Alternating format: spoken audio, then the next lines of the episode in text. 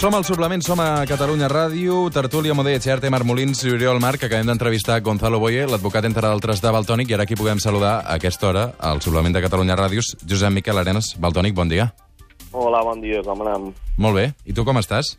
Molt bé, molt bé, molt tranquil, molt serè i amb moltes ganes de, de veure què passa demà. Què creus que passarà demà? Doncs no ho sé, jo més espero que, que la justícia apliqui la llei i que, i que actuï pues, en serenitat i que no tingui por de lo que pugui passar amb Espanya, degut a la relació que té Bèlgica amb Espanya, i que, que demostri que, que és una, just, una justícia justa i no polititzada, i que hi ha una separació de poder i que la llei s'aplica i, i s'interpreta així com és, i ja està. Uh, tu prefereixes que, que demà hi hagi ja una decisió definitiva o, o no t'amoïna que el cas es vagi allargant, allargant...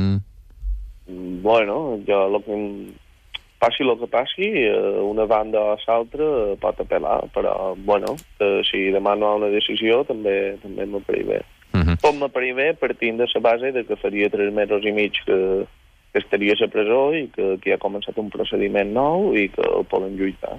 Uh -huh. Ara parlàvem amb, amb Gonzalo Boye, eh, també reafirmant tot això que ahir explicaves a, a Twitter, diu segurament mai podré tornar a Espanya perquè m'estan obrint nous procediments per noves denúncies per part de la Guàrdia Civil per les noves cançons. Eh, quina sort, perquè jo el que vull és tornar a Catalunya, no a Espanya. En qualsevol cas, eh, et fa por no poder tornar a l'Estat? Bueno, eh, no, de, és a dir, se pot viure més enllà dels Pirineus, no, no, no passa res. Però, bueno, des d'aquí intentarem lluitar perquè pugui tornar a una Catalunya, a una Catalunya lliure, i que puguem construir un país eh, millor, eh, que s'assembli més a el que estic trobant eh, per Europa. No? Un, on hi hagi una bona qualitat de vida, on els serveis socials bàsics estiguin coberts, i, bueno... Uh clar, tu, tu quan vas marxar, en aquest cas, uh, faltava molt poc, però el president del govern uh, espanyol encara era Mariano Rajoy, encara governava el PP. Llavors el líder del PSOE, Pedro Sánchez, va piular en contra de la teva condemna. Uh, recordem la piulada de Pedro Sánchez, 14 de maig, eh? Diu, el mal gust no pot estar castigat amb la presó, la llibertat d'expressió artística és un dret que ens empara col·lectivament, que un repentri la presó és un mal símptoma sobre l'estat de la nostra democràcia. Aquests mesos has tingut alguna mena de contacte amb el govern espanyol? No, no, no, per res. És... No, no, només, només aquesta piulada, no, no. Però, bueno, aquesta piulada mos va servir molt bé en el judici per poder demostrar-li al jutge pues, que, que, que fins i tot és, és que el president de govern avui en dia a Espanya està en contra de la meva condena. Per tant, li he donat les gràcies a en Pedro Sánchez. Mm -hmm. Um, en qualsevol cas, uh, aquest és la... Creus que la cosa hagués anat diferent? Uh, tu haguessis decidit marxar també si, si, si Pedro Sánchez hagués arribat a, a, al poder 15 dies abans? Sí, jo hagués marxat igual perquè uh, té molt clar que l'estat espanyol uh, bueno, que, que, que l'Audiència Nacional va per damunt tot mhm. -huh. i que, que, bueno, que no s'hagués pogut aconseguir res i que tampoc no hi haurien d'influir les decisions polítiques, les decisions jurídiques, que estem molt mal acostumats en això, i que una cosa és la justícia i, i l'altra pues, el govern. Mm -hmm. Igualment no crec que, que, que el PSOE sigui el canvi de res. De seguida eh, passo la paraula a l'Ode i al Marc al, a, a l'Oriol, um, però escolta'm, Baltònic, t'està escoltant Gonzalo Boye, eh, quin missatge li trasllades? Gonzalo? Ana Gonzalo, quin missatge? Sí. Ah, no, que, molt, que és molt bon abogat, que moltes gràcies per tot i, i que, que moltes gràcies, que, que va fer molt bona defensa i un, un sort de caer mm -hmm. i que, bueno, que al final guanyarem. Que només de, per guanyar la justícia espanyola només cal esperar que la caguin i jo crec que l'estan cagant. Mm -hmm. ah, amb preguntes del, del Marc Molins, de l'Oriol Marc i de l'Odei Xerte. Hola, molt bon dia. Bon dia. Marc Molins, endavant, sí. Res, volia preguntar en primer lloc, el, el, jo crec que una de les notícies que de la setmana passada, almenys al meu entendre, una, una de les notícies potents va ser el, la sentència de l'Audiència Nacional per la que revoca la condemna que inicialment se li imposa a Hassel, que és una condemna que els tècnics anomenem de compliment, no? perquè és superior a dos anys, es revoca i se, li, i se li acaben imposant nou mesos, és a dir, una sentència que suspendrà i que no generarà cap tipus d'efecte.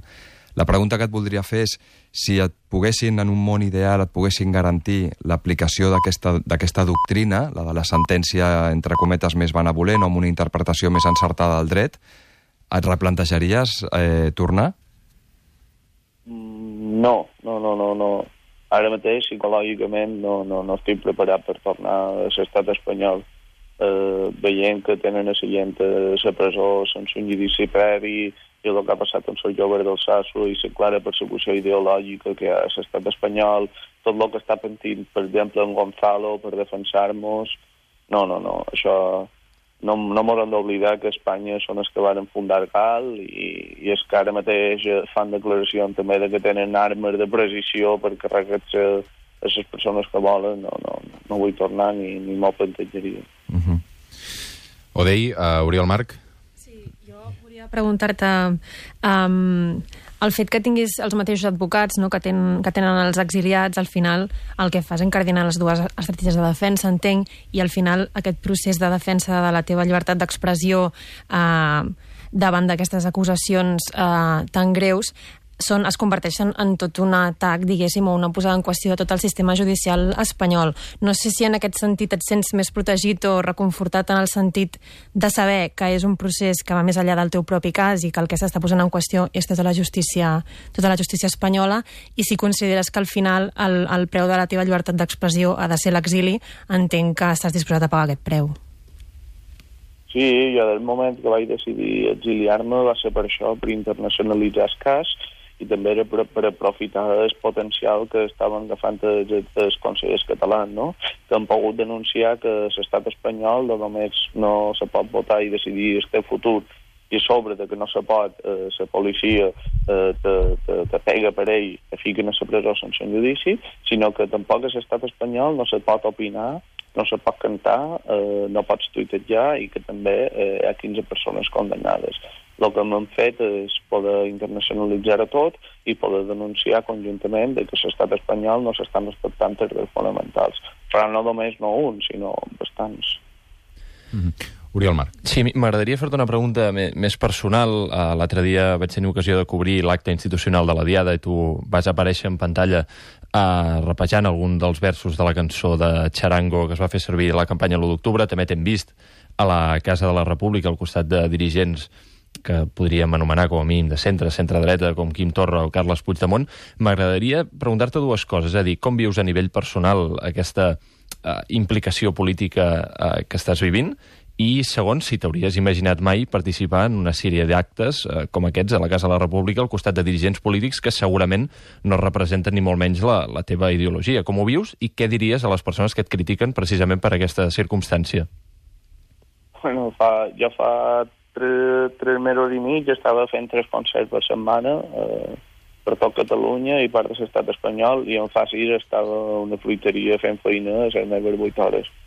No, no no hagués imaginat mai que, que passaria tot això, sobretot perquè eh, encara quedava recurs del Suprem i el Constitucional i mos ho vàrem tombar tot en un mes. És a dir, tenien dos cartutxos eh, possibles per poder continuar la meva vida i en un mes van enfondre i tot va passar molt ràpid. I referent a l'altre, bueno, jo ara mateix pues, estic a l'exili, eh, l'exili és, és, és una cosa que, que tampoc no és fàcil, no? I jo crec que ara és un moment de, que tots hem de ser la mateixa, trinxera, la mateixa trinxera, que tots hem de fer pinya, tant aquí com a Catalunya, i que hem de lluitar per, per fer efectiva la república. I després quan estigui eh, feta la república efectiva, pues ja, ja parlarem de quins drets eh, eh, bàsics i socials eh, ha, de, ha de cobrir la república. I veurem si seguim la mateixa trinxera. Però, bueno, ja de moment aquí eh, ja no crec en partits, no crec en cicles, crec en persones, i crec que aquí a Brussel·les hi ha gent que, que fa molt bona feina i que ha arriscat eh, molt de privilegis i moltes comoditats per, per, poder, per poder dur a terme aquest referèndum que se va fer l'1 d'octubre i que el poble van defensar. Per tant, aquest referèndum ha de ser legítim i, i, i endavant. I, bueno, tampoc eh, en Torra no ho conec tant, només d'aquell dia, però no crec que Carles Puigdemont sigui una persona de, de dretes. Crec mm. que Amb- Crec que és més un, un anarquista i, i una persona que creu en algo i, i que ho vol dur a terme encara que, que